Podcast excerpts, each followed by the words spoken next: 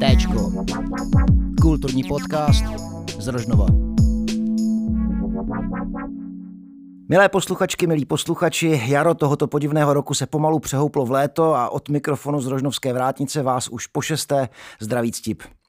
V dnešním díle naší série věnované hudbě, která nechce zdvořile pobavit, bude konečně mým hostem Hradek Vantuch, zvaný Vant. Zdar a sílu Vante. Čau Stibe, díky. Říkám konečně, protože tenhle rozhovor jsme měli v plánu už hodně dlouho a vinou nejrůznějších peripetí jsme ji taky několikrát museli odložit.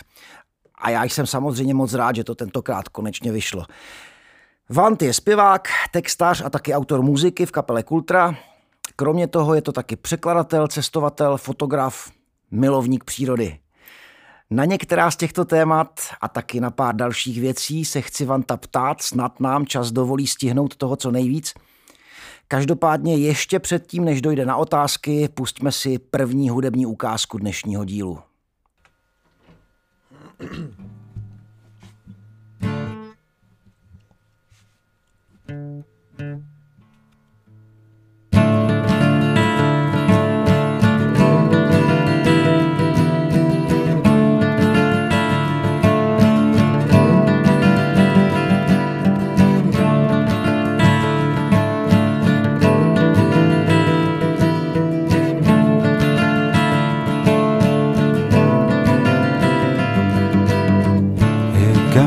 Flat top he come growing up slowly he got Jojo eyeball he won.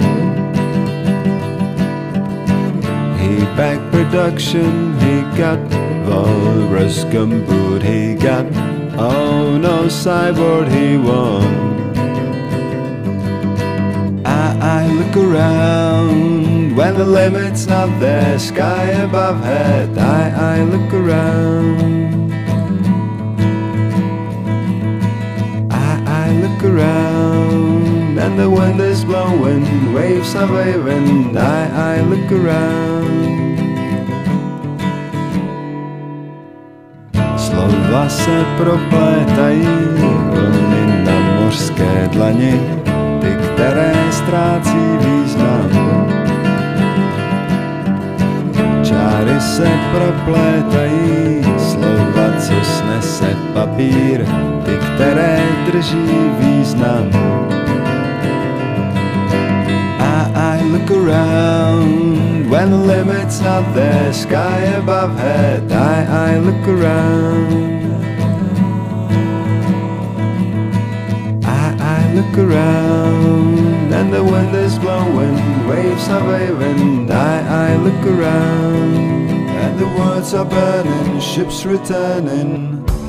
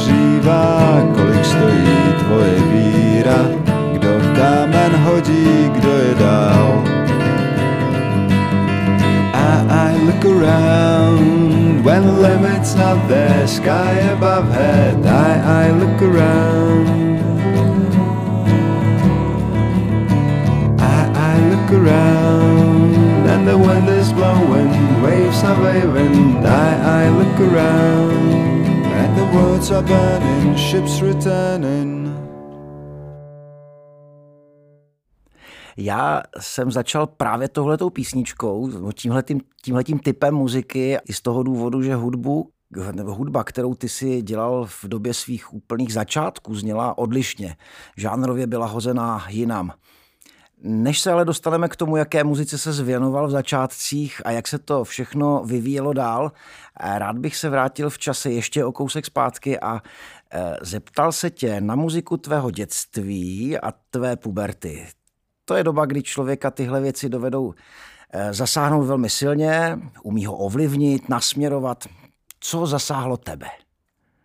Já jsem měl, eh, já jsem měl obrovské štěstí, že moji rodiče měli masivní sbírku vinilů, takže už od malička jsme se tam probírali s bratrem eh, všemi těmi nahrávkami. Samozřejmě jsme začínali na Broučcích, což, což byl pěti album, neuvěřitelné pět singlů v rámci, v rámci toho jednoho vydání a různé pohádky, ale pak eh, vzpomínám úplně, jak jsem tam probíral ty vinily a vytáhl, vytáhl jsem desku, eh, kde byla partička čtyř hejsků, kteří jdou přes přechod.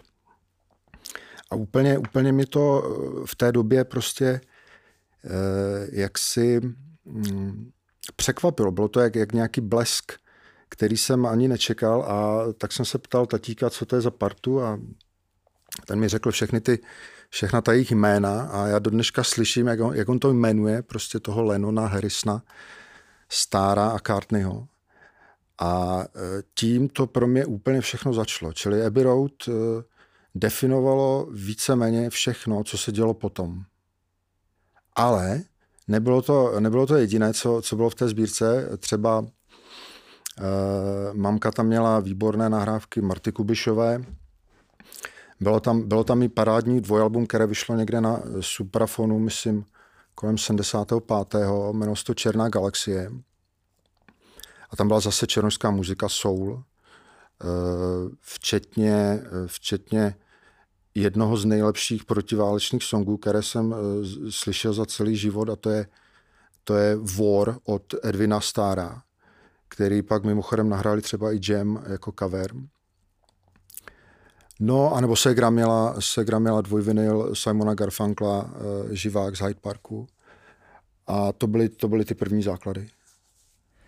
No a když se vrátíme k tomu, o čem jsem, co už jsem tak jako trošku nakousl, čili k tomu, k té hudbě, eh, se kterou si začínal jako muzikant. My jsme se seznámili zhruba v té době, kdy jsme oba dva začínali pokoušet. Eh, Ty tyhle... dřív? Já trošku dřív, ale jen, myslím si, že jenom o nemnoho. Tak o týden maximálně. maximálně. maximálně.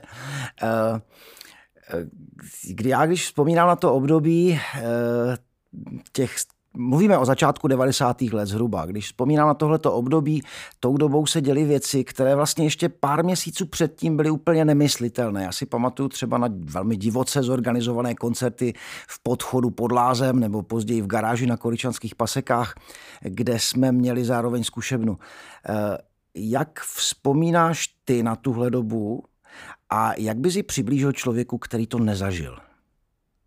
To je problém. Já nevím, jestli jsem schopný to přiblížit, ale, ale myslím, že to byl prostě takový totální boom, že i my samotní jsme hleděli, co vůbec je možné, co si můžeme dovolit a co ne. A je fakt, že ten začátek 90. byla, byla tak neuvěřitelně svobodná doba, že mi to dneska už připadá jako neskutečné v podstatě.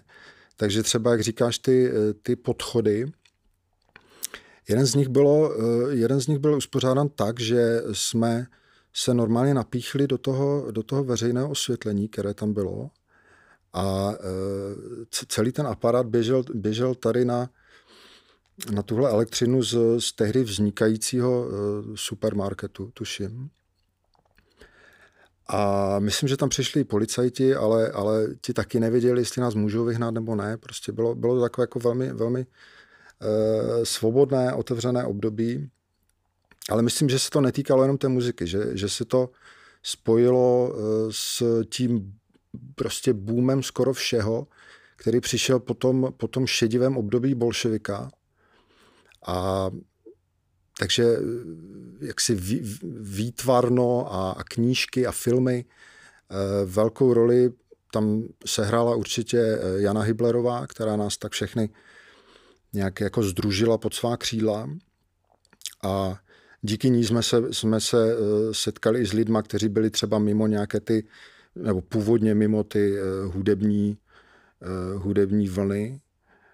A mm, vznikala spousta nakladatelství, takže já jsem úplně ustřeloval na třeba Volvox Globátor, který tehdy vydával věci, které bolševik zakazoval, nebo které byly nějakým způsobem stranou. třeba Gustav Meiring nebo, nebo celá ta pražská německá židovská scéna. A když se od literatury vrátím k hudbě, dovedl bys prosím tě říct, jaké byly tvoje první kapely Eh, první kapely, no já myslím, že ona byla víceméně jedna, eh, nebo jako jedna, eh, která se jmenovala PZU. Bylo to takové jako první seskupení, kde jsem byl s Pavlem Tréglem a Katrekem, s kterým jsme pak hráli i v Kultra. A byl tam ještě Jiří Melcher na kytaru. Eh, bylo to takové, takové, takové hudební počátky, takže podle mě eh, hudebně strašné, hrát jsme neuměli. Eh, stylově se tam střídalo takové podivné veselí a absolutní chmura, takže někdy to znělo jak Joy Division a někdy jak možná mňága. A potom už přišla Kultra. Kultra měla takový podivný začátek, že ve chvíli, kdy my jsme, my jsme v tom Pezeru v určitém momentě to začalo směrovat eh, do takových jako momentů hudebních eh, směrů, které, z kterých já jsem úplně nebyl nadšený, takže jsme se tak pěkně dohodli, že já přestanu hrát a oni pokračovali nějakou dobu dál. A protože mě muzika bavila, baví, tak eh, jsme s, s Markem Kopeckým založili Kultra, což v té době byla pouze sestava Jána Bicí a on na trumpetu, takže naprostý bizar.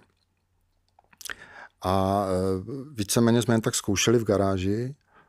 No a potom se nějakým způsobem zase rozpadlo to PZU, přišel k nám track a pak i ty a pár dalších lidí a už z toho vznikla ta kultura, jak, eh, jak i pár lidí zná třeba z těch nahrávek, které se dochovaly do dneška z 90. let, protože 90. dnešní kultra, kultra hraje i dneska, ale zní to už úplně jinak. Ale ke kultra se ještě vrátíme za chvilku. Eh, dovedl bys eh, nám říct, jaká muzika vás tehdy ovlivňovala v kultra právě, když jste začínali? Co bylo, co bylo takovým impulzem? Hm, asi nepředpokládám, že jste chtěli hrát jako někdo, eh, ale to ovlivnění tomu se člověk, tomu se člověk nevyhne. Co, bylo, co, to, co to bylo u vás? Eh, já vím, že lidi říkají, že ta původní kultura, ty to říkáš taky, že byla jiná než ta dnešní. Já si to úplně nemyslím, protože my v podstatě jsme vždycky měli, měli takovou tendenci vstřebávat všechny možné styly, které jsme měli rádi. Ať už to byl teda vážně ten punk rock nebo, nebo, nebo jakoby hardcore, a, ale věci, které byly velmi melodické, v podstatě pop, nebo hip-hop, nebo jako i breakbeat té doby a tak dále. A ten důvod, proč to zní jinak, si myslím, že jednak jsme neuměli tehdy tak, tak hrát, nebo, nebo mín než dneska. A potom, že jsme neměli ty prostředky, které by z toho mohli udělat eh, to, jak zní kultura dneska. To znamená, kdybychom tehdy měli, dejme tomu tu elektroniku, tak si myslím, že by to znělo blíž k sobě. Ale eh, třeba i ten důvod, proč tvrdím, že, že to zas tak odlišné není, je, že jsme některé songy z té staré kultura udělali eh, jaksi v dnešních verzích a prostě podle mě to jaksi taky nějakým způsobem jde. Zhruba na přelomu milénia jsme se z garáže přemysťovali do nově vznikajícího DIY klubu Vrah. A ty se pomalu přemysťoval z Rožnova pryč. Pamatuju si to správně, že na podzim v roce 99 ještě pomáhal při přípravách před otevřením vraha, ale pak už si zamířil pryč? Je to tak, akorát, že jsem, že jsem zamířil pryč už předtím, protože já myslím, že to bylo v nějakém teda 98 nebo dokonce 97. Eh, souviselo s tím, že souviselo to s tím, že jsem eh, se dostal na vysokou školu v Pardubicích, ale to byla taková náhoda velká, protože původně jsem se hlásil do Brna na, na anglickou lingvistiku a e, den před přijímacíma zkouškama jsme ještě naprosto nesmyslně šli na, na koncert kapely Dalšik Sal. A to byla, to byla taková jízda, že v podstatě jsem z, přímo z toho koncertu šel na ty přijímačky A výsledek byl jasný, eh, čili jsem, jsem je určitě žádným způsobem nemohl dát a nedostal jsem se do toho, eh, do toho Brna a pak jsem si dal tedy přihlášku do Pardubic, kde, kde už to bylo bez problémů. A jakkoliv jsem si původně myslel, že tam zůstanu třeba jenom teda ty tři roky na toho bakaláře, tak jsem tam ve finále zůstal děsivých 18 let. Ale děsivých říkám jenom proto, že spíš to souvisí s nějakým tím rozhodováním se, se vrátit nebo odjet a tak dále. Ale bylo tam skvěle. Našel jsem tam spoustu, spoustu skvělých lidí a obrovskou scénu, jak, jak hudební, tak kulturní po všech stránkách. No a ty se v Pardubicích začal věnovat vlastně úplně jiné muzice, než eh, se zvěnoval do posud. Žán, minimálně žánrově. E, začal se pohybovat ve scéně, která se přece jenom úplně neprolínala s tou punkovou scénou, čili ve scéně drum and bassové. A já se chci zeptat, měli tyhle ty scény něco společného? Určitě měli, když eh, se teď tak na tebe dívám, jak se tváříš. Eh, zkus to popsat, zkus nám přiblížit to prolínání a po případě i ty odlišnosti. Já jsem právě tam nikdy neviděl žádný, žádný velký rozdíl mezi, mezi, mezi, tou, mezi těma scénama takzvaně, protože mm, já mám pocit, že, že to souvisí i s tím, jak, jak jsme začínali s, s těma, s tou partičkou tady v Rožnově s, s punkem, tak ono to souviselo víceméně s nějakýma kytarama, pravda, ale mm, my jsme měli, eh, my jsme pořádali takové výjezdy eh, téhleté punkové partičky do Holandska. To byly takové zájezdy, kdy jsme si vzali normálně takový jako minibus a jeli jsme tam Eh, jeli jsme tam eh, mimochodem třeba i s tou eh, Janou Hyblerovou a tam jsme poprvé potkali nebo se seznámili s lidma kolem skvotů. A když jsme tak jako prolézali nebo se probírali těma deskama, které měli tihleti pankáči na skvotech, tak to nebyla prostě jenom ta kytarová, ale bylo to v podstatě cokoliv. Hip-hop, zase breakbeat, nějaký ten jungle, elektronika, čili v začátkem 90. Eh, když se objevili třeba Prodigy, tak byla taková obrovská scéna raveová přelom 80. 90. v Británii. A vzpomínám třeba jeden dokument, kde v rámci jedné téhleté rave party, kterou policajti běžně rozháněli a dokonce vznikl i takový zákon, který zakazoval Eh, takzvaný repetitive beat, opakující se rytmus, protože oni nevěděli, jak na, jak na tyhle ty rave parties, eh, jak, jak, jak jim přijít, jak si na kobylku. No a eh, během, v rámci tohohle dokumentu tam sedí partička u ohně těch rejvařů a mezi nima je Joe Strummer, který, který tam říká, že, že takovou jako svobodu a podobné nějaké myšlenky eh, dlouho nezažil, naposledy v tom 77. A bylo mu mezi těma rejvařema hrozně dobře. Takže já, já skutečně ne, nějak nerozlišuju tyhle ty dvě scény, nějaká elektro nebo kytarová. Mně to přijde vážně, vážně, jenom jako jedna záležitost. Muzika. Mám rád veškerou muziku. Nezajímá mě styl v podstatě. Já jsem mířil hodně tím směrem, eh, eh, chtěl jsem vystihnout určitou věc, která se týká eh, té punkové hudby, nebo zeptat se na takovou věc. Punková muzika, její součástí je velmi často nějaký přesah aktivistický, společenský, politický. Mohl tohle najít člověk právě i v té scéně okolo drum and bassové muziky?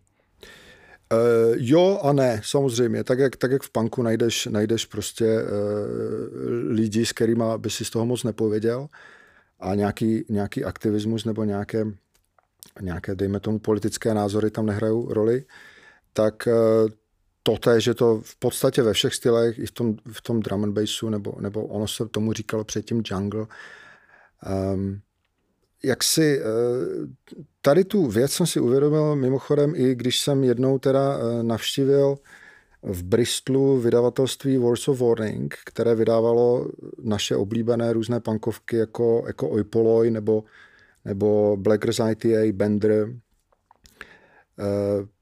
Scum of Toytán, obrovská, perfektní kapela. No a na těch, na těch vinilech uh, oni vydávali i tu elektroniku, která, která stejně tak se podílela na, na různých těch akcích, demonstracích. Uh, vím, že ty máš taky Hand Saboters Benefit, kde, kde jsou samozřejmě na jedné straně ty pankovky a na druhé ta vyloženě elektronika, včetně, včetně nějakého toho raveu. Jako Rhythmites třeba, nebo Fundamental a e, nebo Asian Dub Foundation, dejme tomu, je takový pěkný příklad, kdy, kdy mají normálně nějakým způsobem angažované texty, ale nehrajou nutně kytarový punk. K těm přesahům bych se taky později chtěl ještě chvilku, ještě vrátit, ale teď se, teď se pojďme chvilku věnovat uh, muzice. Uh, Zkus prosím tě představit svoje další hudební aktivity, kterým se zvěnoval v těch Pardubicích. S kým si třeba na té muzice, kterou, se, kterou si dělal, s kým si spolupracoval?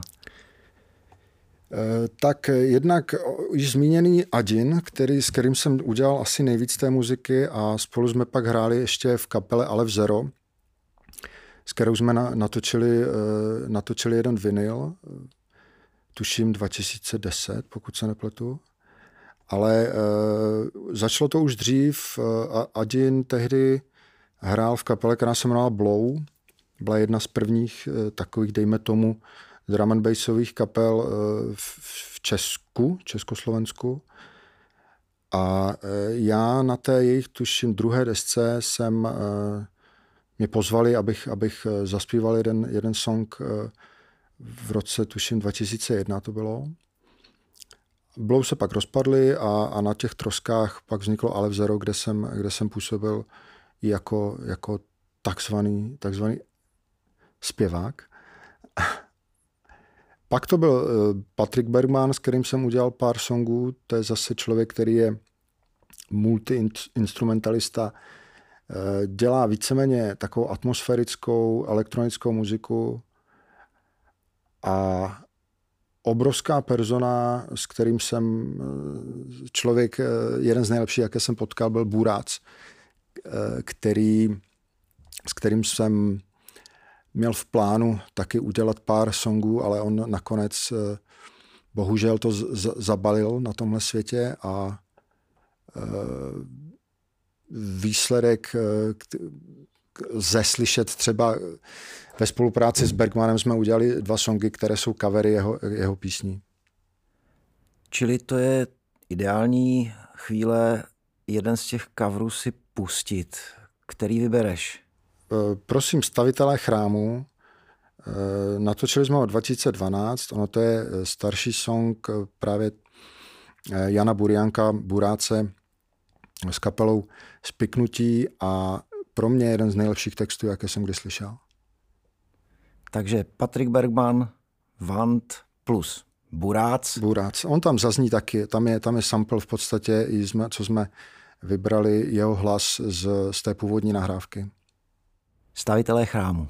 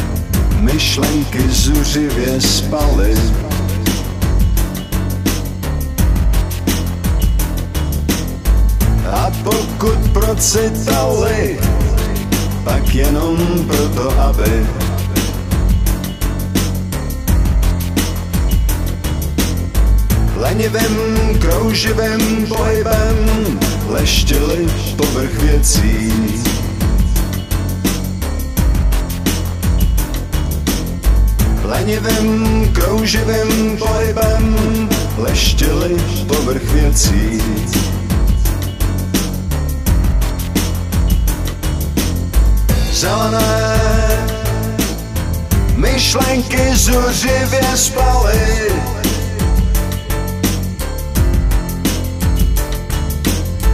A pokud procitali, pak jenom proto, aby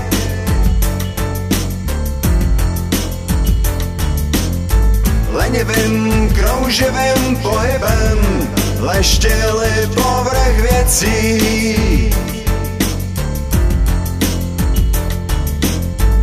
Lenivým krouživým pohybem leštili povrch věcí. A přeci chcem k jádru věci ha! Nejsme drogou zblblí Novověký věci jsme slepí Jsme slepí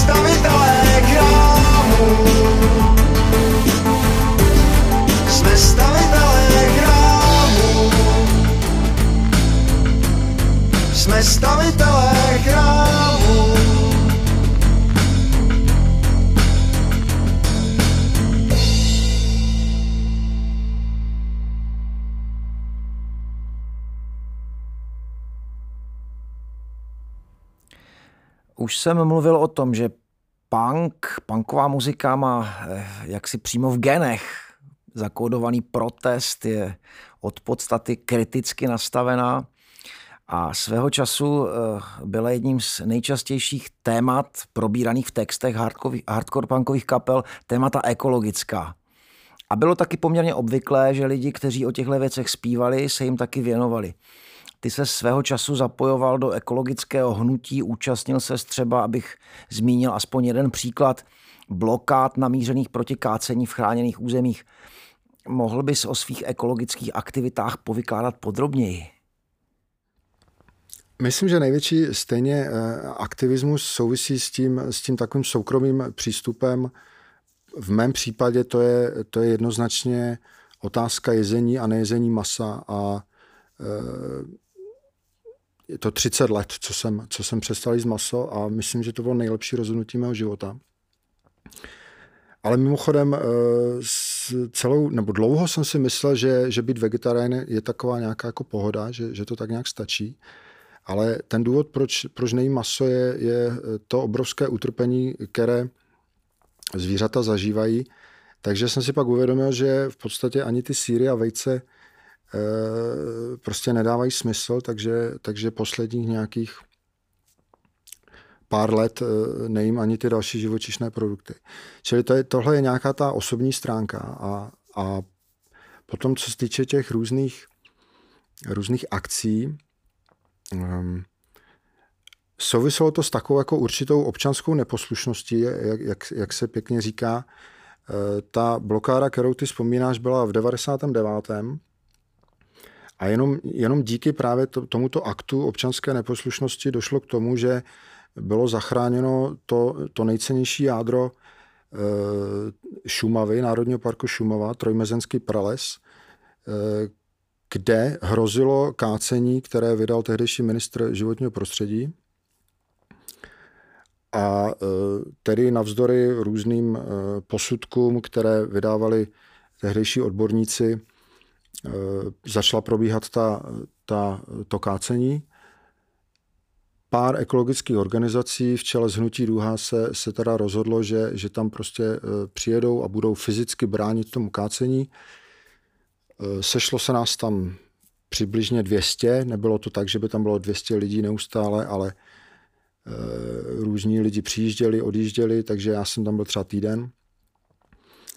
No a ve výsledku se skutečně podařilo zabránit tomu kácení a dneska Eh, dneska je tam dokonce snad i taková jako naučná stezka, kde je zmíněna tady ta blokáda jako, jako, jako zásadní moment, který, který přispěl k tomu, že eh, tam dneska se zase ten prales obnovuje a je plně životaschopný. A ty máš s touhle blokádou spojenou ještě jednu takovou velmi dramatickou, osobně laděnou historku. Eh, mohl bys ji, prosím tě, povykládat? Eh, dramatická byla velmi. My jsme, mm, protože tam samozřejmě v Národním parku je zakázáno jakékoliv stanování a, a přespávání, takže my jsme museli vždycky na, na noc opustit to místo té blokády samotné a přesunuli jsme se za hranice do Bavorska. A tam jsme přespali a já, protože, ale teď už to tak není samozřejmě, já teď vstávám jako běžně v 5-6, ale tehdy jsem si rád pospal, takže jsem se jednoho dne takhle probudil, už nikdo tam nebyl a já jsem pak eh, několik hodin bloudil po tom, po tom pralese a, a bylo to takové jako moje malé osobní, osobní fiasko, ale nakonec jsem je našel.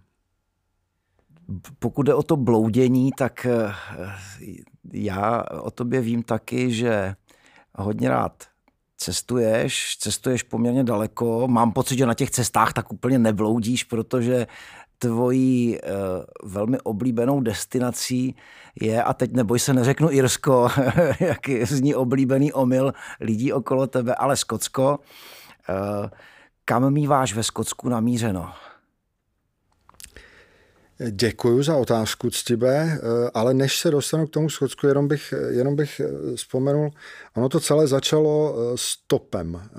Právě na začátku těch 90. my jsme zjistili, že je možné projet celou Evropu stopem a tuším hned v tom 90. jsem vyrazil eh, s Marou Kopeckým do eh, Itálie, kde jsme, kde jsme chtěli eh, si vydělat nějaké peníze sběrem jablek.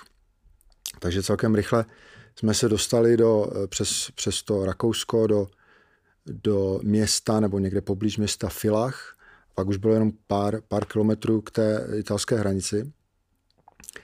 No ale eh, v tom Filachu nás vysadil někdo někde, eh, kde nejezdila prakticky žádná auta, takže my jsme tam nakonec na tom jednom místě eh, zůstali pět dnů.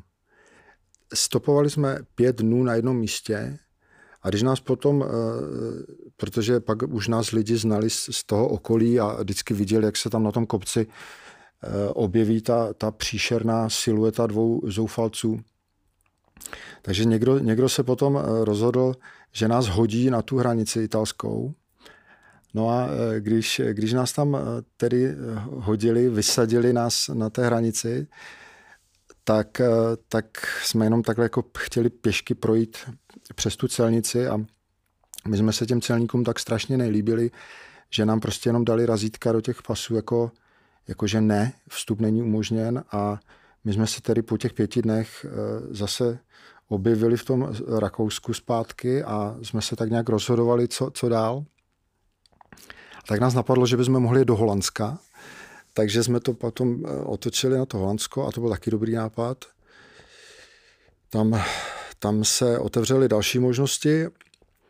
No a to Skotsko přišlo až, dejme tomu, v nějakém, já nevím, poprvé, eh, poprvé tuším tak zas nějaký 90. možná 9. když jsme tam jeli eh, sbírat maliny. No a já jsem z toho, eh, z toho Skotska byl tak, tak hotový, co se týče prakticky všeho, jak, jak lidí, tak které je tam minimum na tom severu, tak přírody, eh, historie, zříceniny, hrady, eh, neuvěřitelné. No a byť jsem teda předtím projel celkem jako velkou část té Evropy, tak od určité doby mě už to v podstatě nikam netáhne a jenom, jenom jezdím do toho Skotska. A když jedeš do Skotska, máš tedy namířeno na nějaké konkrétní místo, anebo jedeš naslepo a uvidíš, kam až tě cesta dovede? Je, je to konkrétní místo. Já jezdím do, toho, do té severní oblasti, to znamená vždycky jenom tak profrčím tou Anglii a e, rychle tím pásem měst, jako je Glasgow a Edinburgh, e, to jenom projedu a jedu na, to, na tu skotskou Vysočinu, úplně na sever. Všechny ty ostrovy kolem jako, jako Hebridy, vnější, vnitřní nebo Orkneje a, a tam, se, tam se strašným způsobem vyvařuju.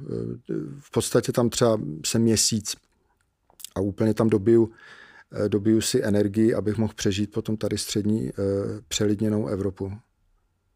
A jsou nějaké, opravdu nějaká místa, kam míříš? Co tam ten měsíc děláš? E, lozím, já tam lozím, prostě eh, různé, mm, právě mně se, mně se na tom Skotsku líbí, že tam je všechno, co mě zajímá. Já, já miluju přírodu, zvířata, ale i historii. Takže třeba já bych eh, byl nadšený určitě ze Skandinávie, ale tam zase by mi chyběla ta historie.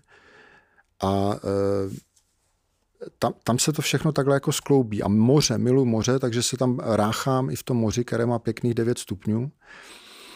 Nebo eh, jsou, jsou, tam, jsou tam určitá archeologická naleziště, která jsou stará třeba 5000 let a z toho já jsem, z toho já jsem poměrně nadšený vždycky. Um, stane se i, stane se i někdy takové jako zoufalejší momenty, když jsem byl třeba v, na, tom, na, na těch vzdálenějších západních ostrovech, eh, takzvané jako vnější hebridy. A eh, oni tam poměrně ctí jaksi svátek, tam je, tam je spousta eh, katolíků na rozdíl od zbytku tedy Británie. Takže jako v neděli tam mají všechno zavřeno a protože já jsem taková jako mizerie, co se týče hlídání benzínu, tak, eh, tak eh, mě tam prostě došel v tu neděli eh, benzín a pak jsem tam musel s prosíkem jak si žadonit, aby mě paní, která skutečně ctila tu neděli, otevřela tu pumpu a já jsem a já mohl načerpat ten benzín, abych mohl vůbec jít dál. Co z historie skotské můžeš člověk ve Skotsku najít? Moje největší vychytávka, největší, největší taková lahůdka jsou takzvané brochy. E, brochy. E, představ si stavbu, která má minimálně 2000 let, vypadá jak jak eh, chladící věž atomové elektrárny, skutečně přesně takhle. Eh, je to, je to stavba, která je eh, postavena bez malty z doby železné a je jich tam, je jich tam několik set, ale těch, těch hlavních, které, dejme tomu, stojí do výšky několika metrů, třeba 10 metrů mají ještě dneska, tak je tam, tak je tam dejme tomu, řádově desítky všechny jsem objel, kromě, eh, kromě té největší vychytávky, která je až úplně na zadních, eh, nebo jako na těch nejzdálenějších ostrovech Shetlandy. To je jediné místo, kam jsem se ještě ve Skotsku nedostal, z těch, kam bych se chtěl dostat. A jsou tahle ta místa volně dostupná pro člověka, který tam přijede, anebo jsou to spíš takové turistické atrakce, kde si člověk koupí vstupné a, a může si, já nevím, eh, obstarat suvenýry související s tím místem, čili je to takové zkomercionalizované, anebo uh, jsou to opravdu i místa, kde, na která zkrátka narazíš. Eh, jeden z důvodů, proč já jezdím do Schocka, že tam prakticky nejsou lidi, na tom severu tedy. To znamená, ani těch turistů tam, tam prakticky není moc. Jsou tam někdy, nepotkám nikoho. A jasně, jsou, jsou některá místa, kde, kde je jaksi nějaké vstupné, Eh, což je třeba eh, vesnice Skara Bray na Orkneyích, která, eh, která má která je pět tisíc let stará. Je to nejstarší, v podstatě je starší než, než Stonehenge nebo, nebo pyramidy v Egyptě. A tam se vybírá nějaké vstupné, jsou tam i nějací turisti, ale je to, je to takový nářez, že, že to i přežiju, jak si setkat se s nějakýma těma lidma ale většinou eh, většina těch eh, brochů, anebo těch neolitických staveb, anebo, nebo těch eh, standing stones, menhirů, žádné vstupné není. Volně přístupné, ztracené na, na odlehlých místech, nepotkáš tam nikoho.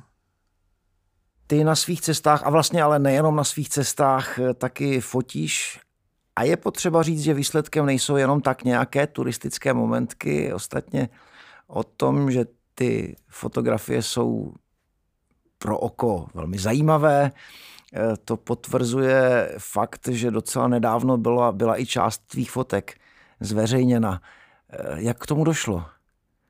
Eh, já rád fotím, ale jsem samozřejmě úplný amatér. Fotím proto, že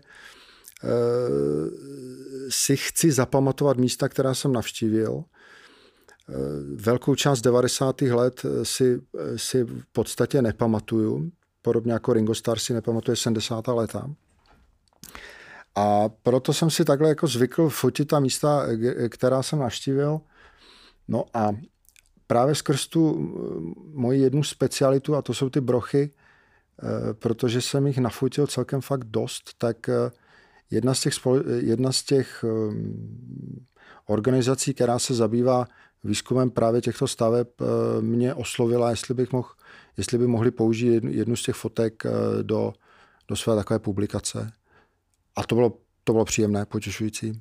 Já bych se ještě jednou rád vrátil ke kapele Kultra, protože vaše druhá deska nazvaná K nevíře poměrně nedávno velmi slušně zabodovala v anketě Břitva, v takové fanouškovské anketě, eh, čili k tomu gratuluju. Eh, moc ti děkuju za rozhovor, přeju, ať vše šlape v muzice i v dalších aktivitách, kterým se věnuješ. Eh, no a navrhuju uzavřít tohle naše povídání ukázkou z desky k nevíře a poslechneme si píseň Svůj prostor. S tebe díky moc, Majsa. Čau. Milé